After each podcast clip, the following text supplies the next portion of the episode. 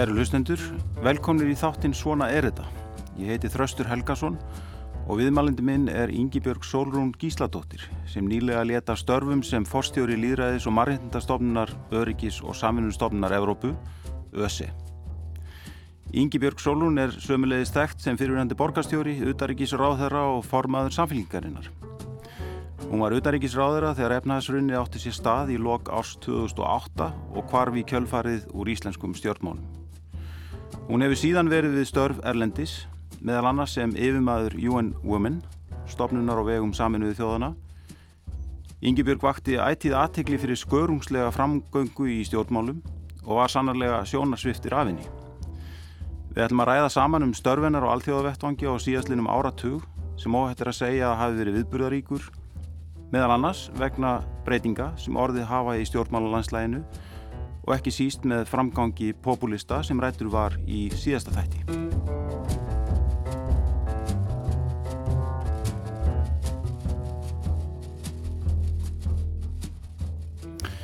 Ingi Björg Solon, velkomin í þáttin. Takk fyrir það, takk fyrir að bjóða mér. Ástæðið þess að þú komst skindilega heim í sumar er einmitt svo að þú lést af störfum sem fórseti marréttinda og líðræðis stofnunar ÖSE og ástæðin fyrir því að þú lætur á störfum er svo að Azerbaijan, Tatsikistan og Tyrkir setja sig upp á mótið að þú og tveir aðrir fórsetar stofnarna innan ÖSE haldi áfram. Uh, og þetta eru þrjú lönd sem ekki eru sterkustu líðræðisríki Evrópu um þessa myndir en þau hafa neitunarvald um ráðningar í ÖSE eins og öll önnur aðaldaríki. Getur þú sagt okkur hvað gerist þetta? Já, það er nú spurning hvort ég get sagt til það því ég er eiginlega ekki alveg komið til bótsíði sjálf hvað hva gerðist e, því ég held að sé ekki allt sem, sem sínist þegar, þegar þessi máli eru skoðuð. Já. vegna þess að ef þú horfið til þess við vorum fjórir yfirmenn hjá ÖSE sem vorum öll ráðin inn á sama tíma fyrir þremur árum til þryggja ára og við vorum með ráðningasamling til 18. júli og nú getur verið fullkomlega eðlilegt að þegar sko, svona tímabili líkur að þá séu þeir sem eru í störfunum ekki enduráðnir mm -hmm. en þá er nú yfirleitt einhver vísbending um að það standi ekki til að, að enduráða viðkomandi en við vorum semst öll beðin um það að gefa kosta okkur aftur og eh, sem að við gerðum og ég reynda með aðeins með semingi vegna sem ég er búin að vera nýju ár erlendist núna og mér var að ferða langa heim Já. en ég vildi ekki, ég vildi ekki reykja upp þennan pakka um orðaða sem svo, þannig ég gaf kost á mér líka Já. og fyrir mánuði, mánuði fyrir 18. júli þá hefðu við ekki hugmyndum að það stæði neitt annað til en að enda, endur á okkur Já. Og svo kemur þetta allt í enn fyrst er það Azerbaijan sem stýgur fram og það er eins og rofið eh, gati múrin og, og eftir fylgja Tyrkland og, og Tatsikistan og það voru aðeins mismjöndi ástæður en hjá Tyrkjum og, og Tatsikistan þá var ástæðan fyrir því að þeir andmæltu minniráðningu svo að ég hafði ekki verið tilbúin til að útiloka uh, ákveðin frjálsfriðalasamtök frá fundum ÖSE mm. á þeirri fórsendu að þau væru uh, hríðverkasamtök eða í tengslum við uh, hríðverkamenn. Já og ástæðin fyrir því ég veit ekki gera þetta að það voru engin haldbær rauk reitt fram þannig að, að, að það er eftir að fallast á þetta og þar er ekki, sagði ég, þetta er pólitísk ákverðun sem ég tek ekki mm. þetta er ekki á mínu vald og verksvið að taka svona ákverðun mm. ef ég hefði stíð út fyrir mitt valdsvið og verksvið þá hefur kannski verið eðlilegt að, að endur nýjiki samningin mm. En ég vildi halda mér innan míns valds og verksviðs og neitað að gera þetta og það dugði Eru, eru svona maður velti fyrir sér því nú, nú maður, maður kannski hefur ekki mikla snertingu við þessa stopnun beinlinis mm. uh, og hérna en, en eru þetta vinnubræð sem, sem uh, þú hefur séð áður sem starfsmæður össi eða, eða eru mikil átök innan þessara stopnunar eða í kringum hana? Já, sko, það er náttúrulega svolítið öfugmæli í þessu að, að stopnin sett á lakina sem örgis og samvinnustopnin Európu Já. og hún á rætur sína rekja til feril sem hóst í Helsingi 1975 sem að var svona partur af því að, að búa til ákveðna þýðu í, í kaldastriðinu á milla austurs og vesturs mm. og verður síðan í kringum 90 þegar Berlínamúrin fellur og Sovjetkerfi fellur verður að þessari stopnun mm. sem að er hugsu til þess að auka samtal og samræð og samvinnu á milli austurs og vesturs og aðstóða líka hinn í frjálsu ríki í því að koma á líðræðis fyrirkomulagi. Mm. E, og þessi ríki sem eru aðila núna 57 talsins, þau skrifa undir þessi grundvallar prinsip um hið frjálslinda líðræði. Mm. Þau gera það, þau eru í klubbi sem er um það, mm -hmm. en það er stöðugt tekist á um þetta samt, inn í þessu, þessum klubbi og það er ekkit sko, og það sem að því að þarna er allt afgreitt með sammæli, hugsunni er að það er farið fram samtal og svo sé sammælum allar ákvarðanir, Já. þá er alltaf verið að taka máli gíslingu. Já af því að það þarf ekki náma einn ekki veðistöðuna til að stoppa af uh, góð mál. Já. Þannig að mér finnst þessi samtök verið í dálitlu krísu. Já, heldur að þetta veikiðu? Gera tvímælalust. Og ég er ekki alveg, sko, nú stendur til að endur á því þessi störf í, í á ráþærafundi í desember og vonandi tekst vel til þar en uh, það verður ekki auðvelt að, að fara og setjast inn í, inn í þessi, uh, þessi störf vegna þess að, að það er í rauninni sérstaklega í þeirri stöðu sem ég var með þessa viðræðs- og mannreitindastofnun mm. sko við í svona stöðum erum alltaf að strjúka valdtöfum antæris mm. það er bara líkur í hlutarins eðli og þar að leiðandi er þeim ekki, er þeir ekki alltaf sáttir við okkur en ef þú ekki gerir það þá ert ekki að sinna starfinu þínu Nákvæmlega Þannig að, að þetta er svona, þetta er ekki auðvilt að stíða inn í þetta. Mm. Eh, sko segir þessi atbyrgur ás okkur eitthvað um svona þau átök sem virðast verða æg meira á milli líðræðisleira gilda mm. og svo annars vegar og svo, og svo einhvers konar svona jável einræðist tilbyrða sem við sjáum í, í Európu eða populisma sem við töluðum um hérna í síðasta þetti með Eiriki mm. Bergmann og kannski annar hugmyndar sem virðast fá æg meira rými í stjórnmálum svona þessa heimsluta Já, sko, það sem ég finnst verið að gerast alltaf mikið í, í, eh, í stjórnmálum og svo sem ekki bara í stjórnmál heldur líka inn í almennu umræðu, það er að hugmyndi, hugmyndir hins frjálslinda líðræðis sem að voru þær hugmyndir sem að urðu ofan á í byrjun tíund áratugurins og menn þekktust á að ætti að vera til grundvallar þessu alþjóða skipulagi að, að þær eru svona að gefa eftir og mér finnst sko hjá stjórnmálamennum og líka hjá almenningi að hugmyndir um líðræði og mannreitindi sé alltaf að vera grinnri ef við getum sagt sem mm. svo. Sko líðræði er búið að, er búið að, að hérna, smætta það niður í kostningarlíðræði. Mm. Það er að segja að þetta er bara, það eru kostningar, ég var kosin, ég ræð. Það er að segja þetta er hugsunin. Ef ég fekk meiri hluta þá ræð ég og þeir, það er ekki skinnjun á því að líðræði er samræða. Líðræði er, er samráð, líðræði er að komast að samkúmulagi. Mm. Líðræði er svo margt annað heldur en kostningar. Mm. Það er ákveðin kultúr sem verður að, að hérna, næra mm. og, og, og, og virða. Og svo aftur mannrýttindi þá skinnjar fólk ekki einhvern veginn að það býr við mannrýttindi. Það heldur að mannrýttindi það sé bara verið að berjast fyrir mannreitindum, fyrir samkynnið eða fyrir flótamenn eða einhverja og, og, og það sjálf njóti einhverja mannreitinda. Það sé bara alltaf verið að hugsa um einhverja jáðarhópa.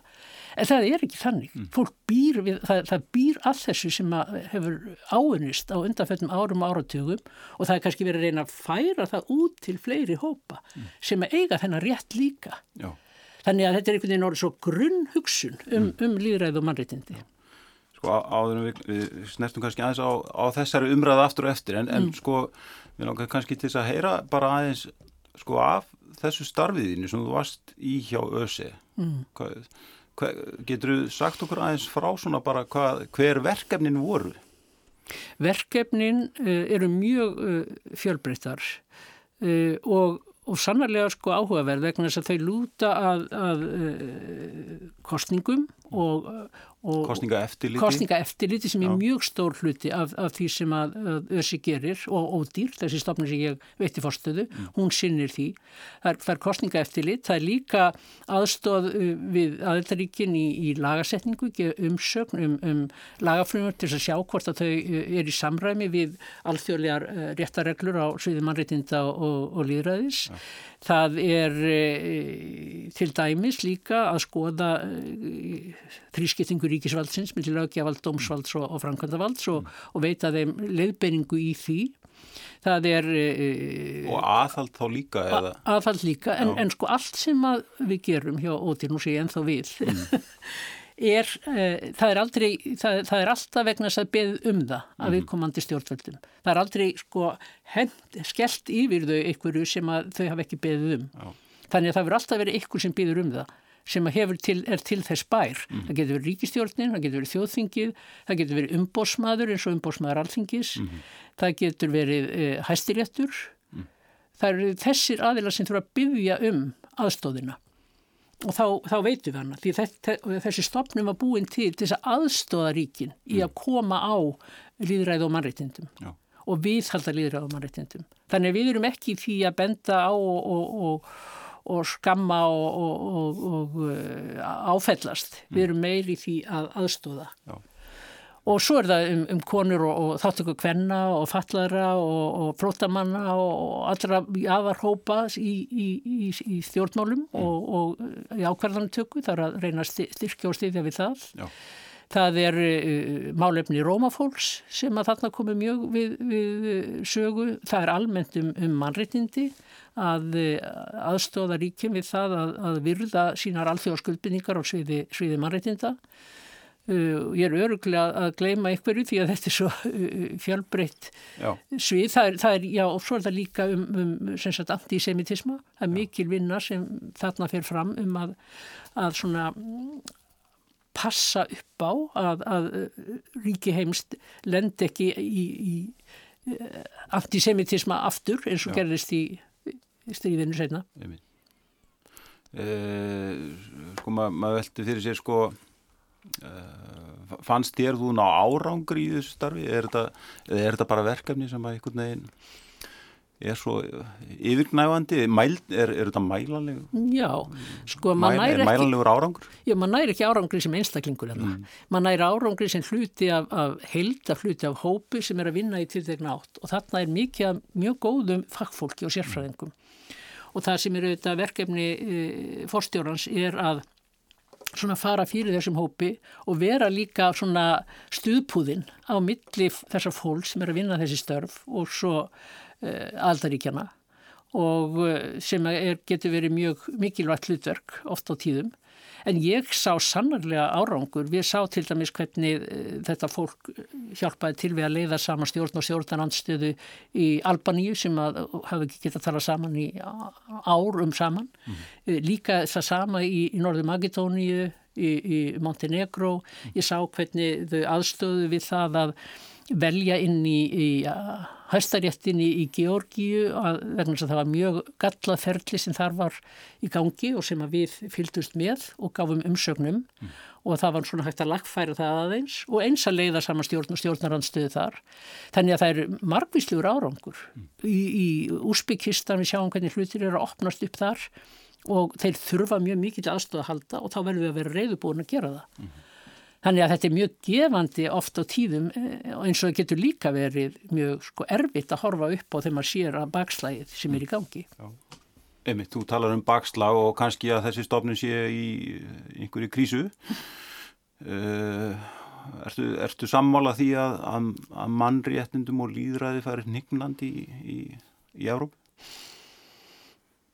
Já og nei, sko. Maður sér auðvitað heilmikla ávinninga mm. við það og við megum ekki gleima, þeim. En það er uh, en ég sé samt sko sérstaklega hvað var það svona uh, líðræðið að, að það, er, það er búið smættaða nýður í þetta kostningalíðræði í mörgum löndum.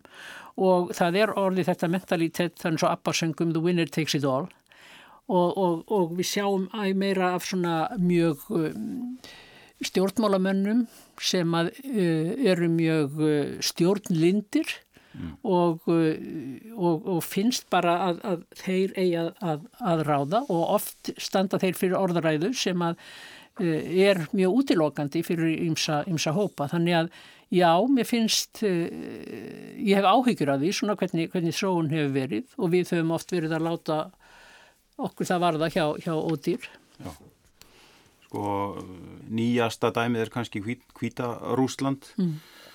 Uh, Lukashenko hefur setið þar við öll hvað í 25 ár eða síðan um miðjan síðan 95 tíund ára tíðin mm. og var endur kjörinn 9. ágúst síðastliðin og síðan hafa verið mótmæli mm. uh, vikulega uh, það var frétt ekki að erum að Marja Kolesnikova leitt og í stjórnaranstöðunar hefði verið handtekinn á landamærunum mm. uh, og sko Lukashenko hefur verið kallaður síðasti einræðisherran eh, sko er, er eðlismunur á honum og, og, og síðan öðrum sem að Eirikur kallaði hérna í síðasta það populista Eh, eða er, er þetta styggsmunur? Eh, Ég veit ekki eins og hvort að Lukashenko er populisti. Nei. Hann er bara einræðisherra. bara punktur. Já. Og hann bara lítur svo á að það sé best að hann stjórnir það sé engin annar til þess, til þess bær. Og hann meiri segir núna, eh, ég las eitthvað starf að, að kannski væri hann búin að sitja full lengi en því miður. Það væri bara engin annar sem geti gert þetta. Og þessna Írland bara nánast orðaðan það þannig. Akkurat. Og hann er, bara, hann er svona gamaldags týpa af, af uh, svona stjórnlindum leðtoga í gamlu sovjet, gamla sovjetkefinu. Þannig hann er eiginlega svona eitthvað sem er á útleið. Hinnir mm. eru á, á, á leðinni inn. Þessi nýju populistar. Það eru aðrar aðferðir. Já, það eru aðrar aðferðir. Við en, það en, í sko, vera að ná sama markmið sem er að í raun vera að sópa þessi völdum já, já, bara, og jável fjármunum. Og, þetta sem ég var nefnar, sko, the winner takes it all, ég er ræð og ég ætla að hafa þetta eins og mér hendar. Já og en varðandi Lukashenko að, að hérna og Kvítarúsland þá var reyndarinn minn síðasta ákverðun áður en ég hætti í þessu starfi það var ákveða að senda ekki kostninga eftir lit til Kvítarúslands vegna þess ég sagði það er ekkit upp á sig það er bara að gefa þeim hérna einhverja viðurkenningu að fara að senda kostninga eftir lit þegar við getum ekki eins og fylst með því hvernig og það var búið að taka allar ákverðunum það hvernig frambjóðun til skildur skráðir ja. og við fengum ekki fylgjast með því Nei. og þá sagði ég bara þetta er bara, bara vittlisa við förum ekki að kosta til fjármunum og, og, og, og hugsun í eftirlit þar sem að, þetta er bara sjónarspill Já. og það var auðvitað mjög, það er eiginlega aldrei sem svona ákvarðanir teknar þarna, því við förum yfirleitt mm. en ég held að það hefur verið algjörlega rétt ákvarðun því að mm. þetta hefur auðvitað komið á daginn Já uh, Í bók Eiríks eh, Bergmann um þjóðninspopulisma í vestrænum samtíma sem eh, hérna, kom fram að populismi og nýþjóðurnis ekki að verði æg fyrirferða meiri og í raun viðteknar í stjórnmálum okkar tíma og dæmin eru fjölmörg og, og okkur varð auðvitað týrætt um Trump en líka var nefndur Putin og Erdogan og Orbán í Ungverjalandi Svíþjóðademokratatir mm. sem standa okkur nú nær hér er þetta stigmagnandi ástand eh, eitthvað sem að til dæmis ösi hefur áhyggjur af og er að breðast við með einhverjum hætti Já, sko uh, það er að gera það uh, og við höfum oft sko sett þetta á dagskrá að við höfum áhyggjur af þessari, þessari þróun mm. Uh, sérstaklega sko allir þeirri orðræður sem er í kringum uh, uh, populisman og, og þennan þjóðveitni sínaða populisma vegna þess að orðræðin er oft ansi hatusfull, svona hatus orðræða, við getum sagt sem svo og slík orðræða getur mjög auðvitað litt til hatus glæpa, gegn minni hlutahópum, gegn jæðarhópum gegn rómafólki, gegn gifingum gegn flótamönnum, gegn konum og einsum hópum sem að, sem að verða sérstaklega fyrir barðinu á, á þessari uh, orðræðu, þannig að við höfum sannarlega gert það uh, En sko þarna eru eiginlega tveir ströymar sem eru að, að mætast, það er að segja þjóðurnishyggjan og mm. svo populismin mm -hmm. og maður getur sagt sem svo að ef við, ef við tölum um þjóðurnis, ekki, ekki þjóðurnis higgju, heldur kannski þjóðrækni, þá á hún algjörlega eh, rétt á sér og, get, og, og, og getur verið fyllilega eðlileg. Það er líka með populisma. Ákveðin, ákveðin populismi getur líka alveg átt, átt rétt á sér þar að segja að, að menn séu svona í takt við þessa almennu tilfinning í samfélaginu og endur spekli hann og tali svolítið inn í hanna. Mm. Það er, þarf ekki endilega að vera sko óeðlilegt en þegar þetta verður eitrað og þegar þetta kemur saman og verður svona eitrað eins og maður sér við að gerast þar sem að, að e, menn lendi því að, að svona skilgreina óvinni bæði ytri og innri óvinni og oft tilbúna, algjörlega tilbúna bara til þess að óvinni samina þá getur þetta orðið mjög hættulegt Já. og það er það sem við sjáum við að vera að gerast. Já. Það er svo auðvelt að búa til óvinnir það séu ykkur á landamærunum og það er náttúrulega eitt af því sem Lukashenko var að reyna að gera til dæmis bara í Kvítarúslandi núna að segja að það væri óvinnir á landamærunum við Póland mm. til þess að reyna svona þrýsta fólki saman í, í baróttunni gegn þessum óvinnum sem ætlu að ráðast inn í Kvítarúsland og svo er það innanlands líka fyrta hertildin sem er búin til. Já, þá er það orðið mjög hættulegt. Já. En, uh, sko, en í populismanum fels líka kannski ákveðin uppreist gegn uh, elítu stjórnmálunum og, og svona atvinnu stjórnmála mönnunum uh, og, og að þýletinu er þessi uppgangur populismans kannski bara svipaður og og, og uh, sko það sem gerðist í sko byltingum fyrir tíma, þú veist, fransku byltingunni og að það er, það er almenningur í einhverjum skilningi að, að rýsa upp gegn, gegn hérna, elitinu og sérfræði stjórnmálunum. Já, það, og það, það er einmitt eins og segir, getur verið alveg fyllilega eðlilegt. Fólki mm. finnst eins og það sé sko ákveðin elita sem stjórn í samfélaginu, bæði sé inn í stjórnmálunum og inn í stjórnkerfinu og, og, og menningunni og öllu og þessi almenni pöpullin þar að segja fólkið eigi enga aðkomi að þessu mm. og það, þó það myndi reyna þá hafið það ekki rétt að bakgrunnin, réttu samböndin, réttu mentunna til þess að komast a, á þennan stað. Mm. Þannig að þarna sé komið eitthvað lag ofan á samfélagi sem að, sem að öllu ráði og sé ekki neinu sambandi við þetta, mm. þennan, þennan almenning og að vissu leiti er þetta rétt. Já og þetta eru sko svo, svo, svo kallar verðleika samfélag sem var auðvitað mjög gott á sínum tíma þegar kemur upp að, að mennskuli njóta verðleika sinna en ekki erða mm. Uh, ekki ver, fá völd og áhrif út á erðir heldur uh, og bakgrunn heldur verðleika mm. en nú er þetta orðið kannski svona, dáltið, uh, svona mikið lag ofan á, á samfélaginu og, og stórluti fólks finnst að vera Eh, valdarlaust og það, það skilur ekki eins og hvað það fólk er alltaf að tala um. Mm. Þannig að það verður líka bara í allri orðræðinu og tungutakinu mm. sko mikið gjá. Mm. Og þá koma fram ykkur í menn sem að sjálfur eru sannarlega hluta af elitunni. -hmm. Við skum ekki gleyma því eins og Trump og, og, og Orban og, og Kaczynski og Putin og allir þessi, þeir eru allir úr elitunni. En þeir, þá nú að tungutak þessar fólks og þeir tala sig inn í það eins og þeir séu hluti af pöpunum. Og, og, og fá stuðning mm. af því þeir, þeir, þeir, þeir eru með uh, aðferðafræði og, og tungutak mm. sem að hrýfur. Og markmið þeirra eru auðvitað það sama og elitustjórnmáluna, það er að... Að, að setjast að kjökkvallónum og útluta þaðan til sinna. Já, nákvæmlega. Nákvæmlega. Akkurat. Og það er nú eitt með, með Erdogan. Erdogan kemur sannarlega upp úr, og sko, hann kemur úr, úr svona lástjett og, og og eru Kasim Pæsa umhverfinu í Istanbul sem er svona lástjættar umhverfi en hann vinnur sig upp fyrst í það að vera uh, borgarstjóri í Istanbul og svo inn í, inn í eh, landsmálapolitíkina og hann er auðvitað komin langt frá þeim uppruna núna í sjálf sér. Já, einmitt.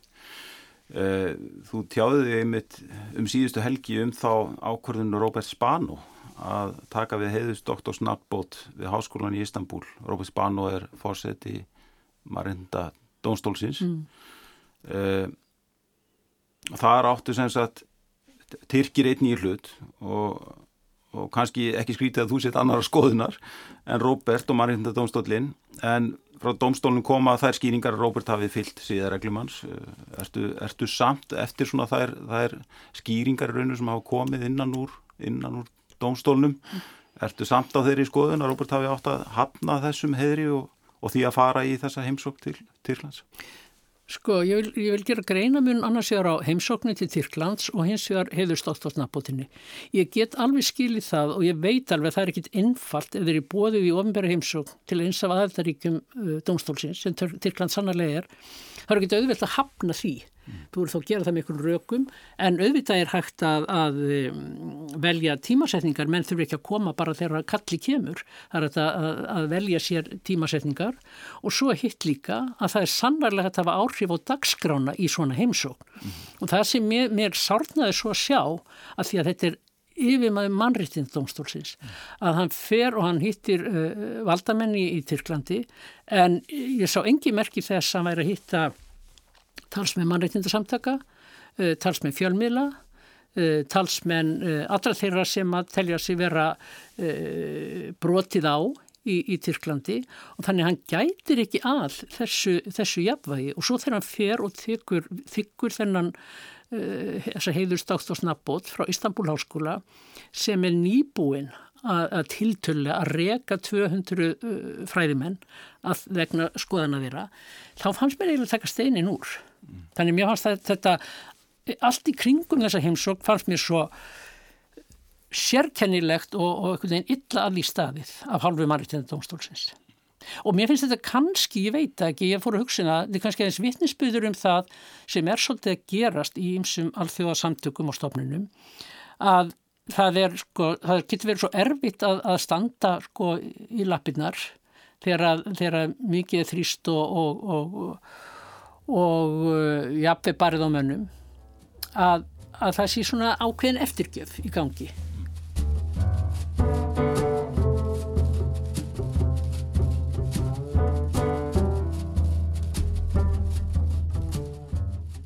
Kæri hlustendur, ég heiti Þraustur Helgason og þið eru að hlusta á þáttinn Svona er þetta.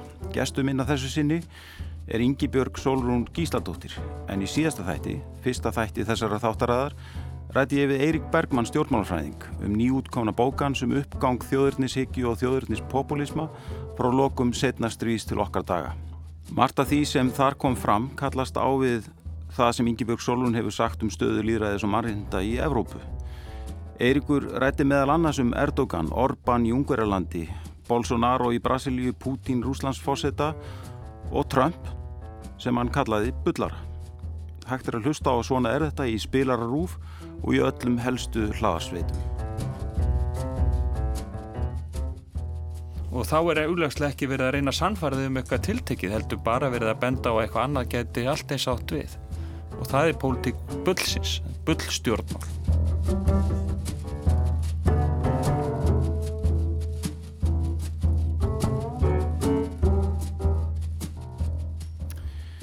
Ingi Björg Solun, saknarðu stjórnmálana? Nei, ég saknar þér ekki. Það er, ég segja þér alveg satt, það hefur aldrei komið svo dagur síðan ég eh, gekk út úr stjórnmálum fyrir, hvað er komið marga ár, 10 árum, 12 árum síðan að ég hafi saknað þeirra. Finnst þið að hafa tekið breytingum á þessum rúma áratug sem liðinir síðan þú hættir? Já, um margt hafa þau, þau gert það. Eh, samt í engum svona engum grundvallaratriðum, það eru þetta ný, nýtt fólk sem kemur fram á sjónasviði, nýji flokkar, ymsa nýjar svona hugsanir og hugmyndir en e, í stórum dráttum nei, ekki, ekki finnst mér það nú. Það eru komin nýjir miðlar, þessir samfélagsmiðlar? Já, það breytir auðvitað mjög miklu það breytir auðvitað mjög miklu og bæði til góðs og íls mm. í stjórnmálunum og, og það sem auðvitað var byrjað að gerast og mér fannst þegar ég var í stjórnmálunum að, að þetta að menn þurfti að tala í eins og við kallum það soundbites í svona einhverju sem hljómar vel í, í, í fjölmiðlunum einhver einsetning sem þú vissir að fjölmiðl myndi grýpa upp og þá gætur náða að komast inn í, inn í miðlana. Þetta var auðvitað byrjað en þetta hefur aukist mjög mikið og það er sem sagt tímaspönnin er alltaf að verða sko, stýttir og stýttir sem að þú, þú hefur til þess, að, að ná inn og tjá þig. Já, en þetta þeir hafa líka samskiptamillanir að opna kannski uh, sko nýja möguleika fyrir uh, alls konar fólk til þess að taka þátt í samfélagsleiri umræðu og í pólitík. Já, já, já, já og það eru þetta sko mjög mikilvægt að ymsir sem að ekki áttu neina aðkomu og urðu kannski bara að láta sér næja sko kaffiskúrin eða kaffistofuna til þess að tjá sig um pólitík. Þeir eru að tjá sig núna á, á samfélagsmiðlunum og þeir hafa, hafa rött og þeir geta skrifað og það er eitt sem er ándar mjög mikilvægt vegna þess að hér á árum áður þá gæti engin stunginu penna og skrifa grein í blað sem ekki var bara með nánast sko háskólapróf mm. í, í, í þess að vera til þess bær. Já. Núna er bara viðkent að fólk geti skrifa og það þarf ekki eins og alltaf að réttrita eh, sko, eins og, og viðtekið er. Nei, og það eru auðvitað hleypinum sem að sem er mjög mikilvægt. Já. Það er kosturinn við þetta. Já. Hitt er svo annað að, sko, auðvitað sagði fólk ímislegt á kaffistofunum í kaffiskúrunum sem var bara ætlað að lifa því, á því augnabliki og nú er þetta bara komið þarna út og, og verður ekki aftur tekið. Mm. Og þar er, er, er komin vandin við þetta. Já og sko stjórnmálamenn uh, sko nú til dags þeir finna oft fyrir þrýstingi af þessar umræðu og, og við höfum náttúrulega marg oft séð bæði hér heim og alþjóðlega að, að, að málja vil taka aðra stefnu þegar, hérna, þegar þrýstingi er beitt ymitt á samskiptamilum Já, já, og það þarf þetta Þetta, þetta vissuleiti bara styrkir í raunveru líðræðislega umræðu og, og, og, hérna, og styrki líðræði að einhverju leiti. Jú, menn verða þá líka að hafa kjark mm. og það er það sem að skipti svo ofsalega miklu máli í stjórnmálum, það er að hafa kjark mm. til þess að segja það sem þér finnst og koma fram með það sem þér finnst skipta, skipta máli en ekki láta bara stjórnast af dægursveiplum og umræðin á, á hverjum tíma. Vegna þess að til hvers ert að bjóða þig fram í stjórnmál og til þess að vera sko, leiðtói þar að leiðandi mm. ef þú hefur ekki þann kjark sem þarf til þess að, að leiða. Mm. Maður held jafnvel sko á tímabili að tími stóra leiðtó að veri jáfnvel liðin en, en svo er einmitt að koma fram núna eh, þessi svona tegund af stjórnmálamönnum sem vinna mjög markvist einmitt með þessa nýju miðla og og, og vinna sér fylgi hjá hérna, einmitt hjá, hjá kannski ákveðum, já, hjá almenningi mm. í gegnum þá og, og, og við höfum auðvitað þessi dæmi eins og Trump og fleiri sem, að, eh, sem er kannski ný tegund af, af eh, leittóum. Já og þeir eru náttúrulega kannski ekki að, að gera það sem ég var að tala um hér áðan að hafa kjarkin til að segja nákvæmlega það sem þeim finnst og... og, og, og þeir eru kannski ekki hugmyndafræðilega nei, leitóar? Nei, þeir eru það ekki og þeir eru, eins og hann talaði um hann, hann Eirikur, sko, þessi, þessi bullstjórnmál, þeir segja bara eitthvað, eitthvað sem er haldað að, að falli kramið og kannski bara til þess að svona drefa umræðin og dreif í staðis að leiðan í einhverju tilteknar áttir. Já og uh, sko mér finnst einhvern veginn að, að við þurfum á fleiri liðtúm, við þurfum marga og við þurfum fólk sem er tilbúið til að vera þá bara stutt í stjórnmálum, kosti hvað kosta vill, mm. en ekki sko að ef þú ætlar að hanga á pól, í pólitíkinu eins og hundur og róði og sama hvað ágengur, þá er náttúrulega erum meðfarnir að spila ykkur sérkennilega rullu. Já. Heldur að áhrif svona þessara nýju leittóa eh, eins og Trump verði eh, verði varanlega eða verði svona, heldur að þetta sé eitthvað sem er komið til þess að vera eða? Ég veit það ekki sko vegna þess að við erum náttúrulega líka árið þannig og það er þetta tengist líka þessum eh, sósjálfmiðlum að við höfum ekki dvoða mikið úttalt mm og hvað hefur fólk mikið úttalt í menn eins og, eins og Trump sko, e, e, hversu langlýfur er hann hvernig fáum við leið á þessu við viljum alltaf nýjar veruleikastjórnur við viljum ekki alltaf sömu gömlu Já. þannig að, að, að spurningin er sko það getur líka kannski hjálpað að við viljum orðaða þannig í, í þessu tilviki eða unni gegn uh, Trump Já. Hvað heldur þú að gerist í fórstakostningunum í bandarækjunum núna í nógumbur? Ég bara, ég veit það ekki, ég veit ekki hvað gerist. Ég er náttúrulega uh, vona sannarlega að, að það verði þarna, það verði breyting mm. í, í, í uh, en ég, ég þór ekki að segja til það því að vika í pólitík er svo langu tími og maður veit ekkert hvað gerist á, á þessum tíma. Hefur þú trú á því að, að Kamala Harris styrki frambóð bætens? Hún gerir Þetta það öruglega vegna þess að hún er kannski alltaf sem hann er ekki. Hún er, hún er kona, hún er ung, hún er sagt, með uh, þennan uh, afríska eða et, et, annan etnískan bakgrunn heldur en hann. Hún er ekki kvítur millistjættakall. Hún er, hún er vel mentu, hún er klár, hún er metnaðgjörn. En, en, sem hann er svo sem líka, ég ekki segja það, en, en ég held hún komi með svona nýtt nýjan kraft og nýtt energi og hún er ung og, og vonandi styrkir þetta uh, frambóðan svo það er auðvitað vinnur með uh, og má segja hún er til hrós að þráttur hún hafi gaggríndan mjög harkalega þegar hún var að bjóða sér fram í forvali demokrataflóksis þá velur hann annan samt. Mm. þannig að, að sko, það sýnir að, að hann er ekki hekumlegur mm. Þú hefur starfað á alþjóðlugum vettvangi um það byl áratug. Þú sagði að það hefur nýja ár síðan þú fórst út síðustu þrjú ár hjá Líðræðis og Marindastofninu ÖSI uh, eh, getur þú rifið upp með okkur hvað annað þú hefur verið að fást við á þessum nýja árum? Já, þú byrjaði í Afganistan eða hvað? Já, ég byrjaði í Afganistan, ég fór þangað í, kom til Afganistan í november 2011 sem fulltrúi UN Vimman í, í Afganistan og uh, tók þar við skrifstofunni þeirra þar og því starfið sem þar var unnið á, á, á, í, í málumni hvenna og var þar í rúm tvö ár. Og uh, Hvernig var sá tími? Hann var náttúrulega alveg ótrúlega áhugaverður. Ég nöytist mjög að vera þar.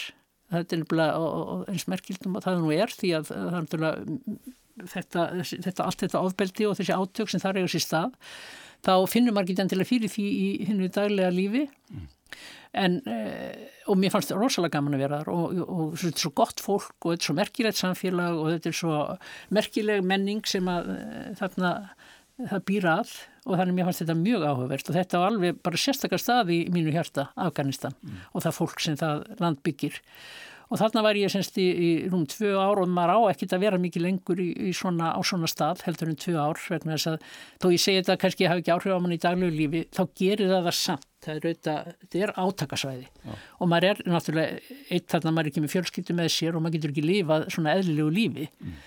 Þarna var ég sérst í þessi tvö ár og, og svo var ég ráðinn til að uh, setja stofn skrifstofu Jón Vimmen í Istanbul sem að var skrifstofa sem ekki aðeins þjónaði Tyrklandi heldur allri uh, Evrópu og Míðasju sem er eiginlega svona sama svæði og, og össi uh, dekkar líka. Mm. Og, og þar sett ég hann á laginnar 2014 hver eru, hver eru svona, hvert er hlutverk þessara stopnunar í, eh, eins og í, í þessum Afganistan? Sko, í Afganistan var það náttúrulega að, að, að eh, það, það var náttúrulega svo fjölbrytið, það er náttúrulega svo skelvileg stað að hvenna í, í landis Afganistan, hún heldur lagast en hún var náttúrulega alveg hræðileg og þar vegur auðvitað þingst þetta skelvilega ofbeldi sem þar, þar ríkir og stundum fannst manni sko, þú veist maður sá konur þar sem var bæði búið að skera sko eiru og nef og, og, og bara verfari með þar heitur húsfjörnaðin mm. á heimilinu mm. Og uh, svo er náttúrulega sko, að stiga við baki á þessum konum sem að bjó, er að bjóða sér fram til starfa til að hafa áhrif í afgjörsku samfélagi að, að, að aðstóða þær í, í þeirra, þeirra störfum og, og það er auðvitað mjög ríkur þáttur í þessu. Eins að, að stiga við bakið á atvinnusköpun í, í þáu hvenna það er svo margt, það er allt undir sem varðar sko réttarstöðu og uh, svona valdeflingu hvenna í einu samfélagi og, og uh, þannig að þetta er sko og það er oft ansið tungur óður að, að vinna á svona stað en líka um leið rosalega gefandi og það er náttúrulega svona konur sem að, afganska konur sem stíka fram og, og gefa færi á sér til þess að í samfélaginu, þetta eru svo öflugar konur og það er svo merkilegar af því að það er svo mikil það er svo mikil andróðurinn gegn þeim. Já. Hérna, þú, þú, uh, þú varst auðvitað kona í stjórnmálum sjálf mm. og uh, hva, hva, svona, hvernig reynsla var það? Uh, það var bara þetta, mjög góð reynsla. Ég byrjaði ungi í stjórnmálum, ég var 27 ára þegar ég var kosininn í, í borgarstjórn, mm. Reykjavíkur, 1982 og svo bara Eh, þróaðist eitt af öru og ég fer þaðan inn, í, inn á þingi og svo aftur inn í borgarstjóð sem borgarstjóri og svo aftur inn í þingið og svo, svo ráð þeirra mm. og ég var mjög gæfusum vil ég segja. Ég átti sko öfluganstuðning bæði hverna og karla í því sem ég var að gera og ég hef sjálf ekki nema góða sögu að segja um, um þáttöku í, í stjórnmálum. Ég veit að þurfti að, að sko berjast fyrir hlutum mm. en, en það fæst ekkert sem máli skiptir bara til löst. Mm. En ég hef aldrei verið sko, mér finnst aldrei að hafa verið neitt svínað á mér eða ég hef aldrei eh, orði fyrir neinu neinum áföldin þannig séð mm. í stjórnmálum. Ekki ég... nema kannski undir rétt undir, undir lokin. Já, já. En sko maður, eh, ég uppliði sjálfur bara svona ákveðið gegnum brot kvenna sko með þinni kynnslóð uh, er það ekki eh, svona rétt, rétt tilfinning? algjörlega rétt tilfinning. Mm. Þetta var náttúrulega alveg ótrúlega vekkferð sem að hófst sko upphæðlega náttúrulega byrjar þetta, það leiðir auðvitað eitt af öðru, það byrjar 75 með kvennafrítiðinum, svo er það kjörvildisar 80 sem að gefur fordæmi og kjark til þess að, að, að bjóða fram kvenna, frambóð kvennalist 82-83 og þetta, þetta er eiginlega bara ótrúlega bylting sem verður þarna í, í stjórnmálum á, á Íslandi mm og hún er leitt af konum og hvenna reyfingunni og uh, það er uh, ég ætla ekki að líka því saman hvað, hvernig umhórs er í dag og það var þegar ég var að byrja hérna 27 ára gömur í stjórnmálum 1982. Það er orðið alveg gerbreyting hér á Íslandi og svo sem við annar staðar mm. en það vantar líka talsveit mikið upp á ennþá. Mm. Og, og þú sem sé fer síðan þarna út að vinna fyrir UN Women væntalega með þetta í þína reynslu í farteskinu mm. og, og uh, hva, hvað tók við eftir þú varst í uh, Afganistan Já sko ég, ég réði mig ég sótt um starfið í Afganistan mm. bara uh, opin umsókn um, um starfið og var, var valinn og vantarlega vegna sem ég var með þessa reynsli í farteskinu og var tilbúin að gefa mér þetta og við skulum aðtjóða það að það er ekki alltaf, það er ekki slegist um, um svona störf eins og að vera yfirmaður Jón Vimen í Afganistan mm. Og, og, að, og ég vildi fara þánga til þess að láta á mig reyna ég hafa búin að vera svo lengi í stjórnmálu með svona mikið stuðnisnett í kringum mig og aðstofamenn og hvað þetta allt saman heitir og mér langa að fara og láta reyna á mig sjálfa eina mm. á nýju vettvangi þar sem að enginn hlekti mig mm. og það var bara rosalega gott og vitulegt skref hjá mér að, að, að stíga mm. og þaðan sem sagt tekið við Jón Vimil þarna í, í miðasjó Európu í, í Istanbul og uh, var þar í, í þrjú og halvt ár. Og líka Tyrkland er náttúrulega dásamnett land og þessna var þetta náttúrulega ákveð áfall fyrir mig þegar Tyrk, Tyrknir stjórnveld setti svo upp á móti enduráningum minni. Mm. vegna þess að ég, uh, mér finnst Tyrkland dásamnett land og ég reynir alltaf að, að, að, að halda þeirra hlut. Og ég vil allt fyrir þetta fólk þarna, þarna, þarna gera og veg þessi mestan. En það þýr ekki það að ég undirgangist Eh, hvað sem er. Já. Það hefur auðvitað ímislegt uh, breyst uh, í, í þessum efnum bæði hér og, en líka alþjóðlega mm. og ég fletti nú bara upp svona bara googlaði nokkuð uh, sko tölur mm. og hérna og á síðasta ári voru sé, 36% þingmanna í Evrópaþinginu konur mm. sem er nú kannski ekki neitt mjög hátt hlutfall en, en þó en aðeins 26 þjóður í heiminum voru með jafn margar eða fleiri konur á þjóðhingum sínum. Og það er á meðar Ísland og hinn á Norrlanda þjóðirnar og þetta er svona 26 þjóðir. Það, er augljóslega verk að vinna það er mikið verk að vinna en þá og við gleymum því stundum sko þegar við horfum á hlutina út frá okkar svona íslenska sjónarhól mm. að e, þó að hér hafi mikið áunist og, og staðan sé mjög góð þá er svo langu vegu frá því að það sé þannig mm. sko út, út, um, út um heim mm. og það er sérstaklega hvað varðar sko, hlut til hvenna í, í stjórnmálum þá er hún ennþá allt of uh, lág og svo náttúrulega þetta skjálfilega ofbeldi ekki konum sem allstaðar er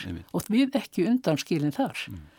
Þannig að, að, að það er eitt og svo hitt sko þessi, þessi þetta, þetta mikla vanmat á, á, á umönnunar og hjúgrunar og kjenslistörfum sem að konur sinna mm. sem að ennþá og er og þetta er, þetta er mál sem við vorum að berjast fyrir sko fyrir áratugum síðan og þetta er ennþá ólist mál. Mm.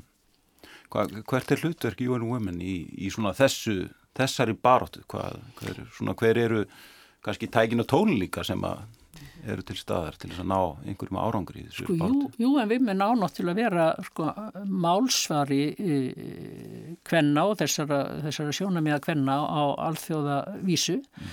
ekki bara, og hún ná ekki bara sinna semst einhverju þróunaraðstof í löndum þar sem að vegur kvenna er sem vestur heldur sinnir hún því að vera málsvari alþjóðlega og, og baráttan fyrir gegn ofbeldi hjá konum eru þetta mjög þung þar á, á vogarskálunum mm og uh, það er uh, eitt af því sem er stöðut verkefni í gangi. Vegna þess að því mýður þá hefur bara svo lítið áhengist þar. Mm.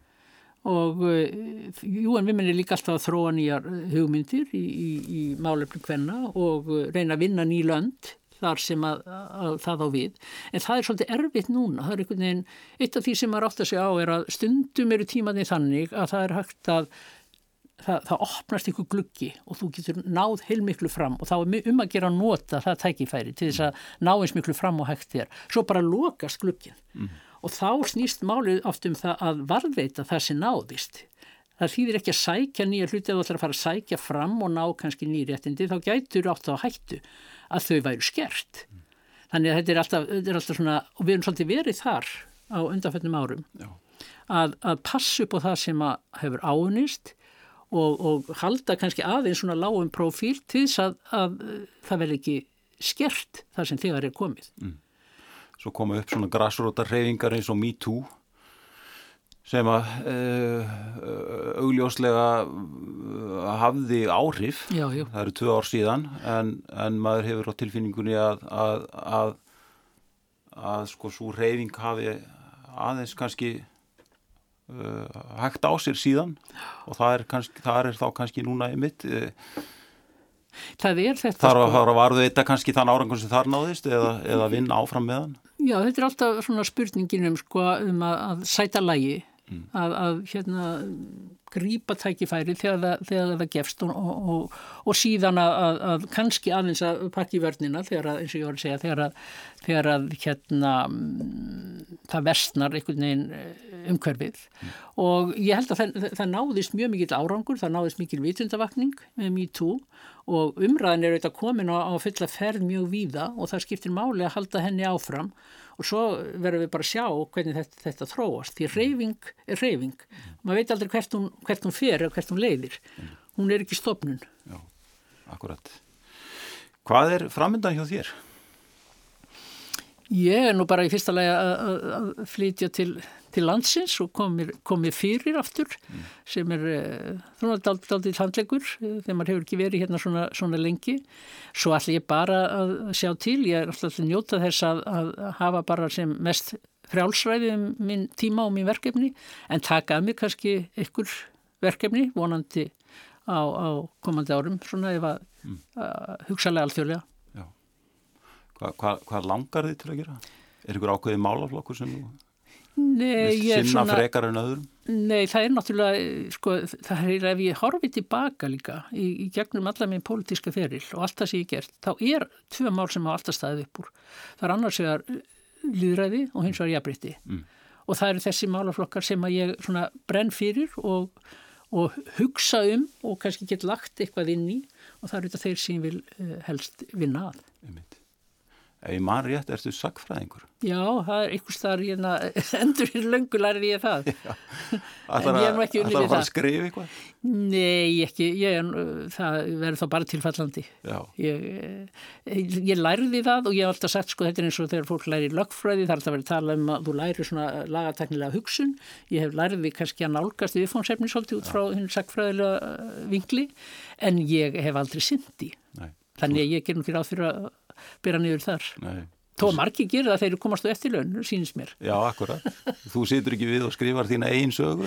Nei, ég gerir það ekki. Ég hef aldrei einhvern veginn, sko, uh, ég hef verið alltaf svo upptekinn af því, kannski að núinu og gera eitthvað og reyna að, hérna, láta eitthvað um í munna að ég hef aldrei mátt vera af því að hugsa um eitt eigið svona legacy. Mm. Þannig ég hef látið það algjörlega eiga sig. Einn mitt við látum það að vera síðust orðin í þessum þætti, það hefur ákvæmlega áhugavert og fróðlegt að ræða við Ingi Björgssólun Takk fyrir að veita okkur einsýn í markflóki ástand líðræðis og mannhinda og okkar tví sínu tímum. Takk fyrir bjóðan mér. Og ég vona að þú finnir kröftum þínum farveg, fljótt og vel. Takk fyrir komuna. Takk fyrir. Kæru hlustendur, við verðum hér aftur að vikuliðinni. Góða stundir.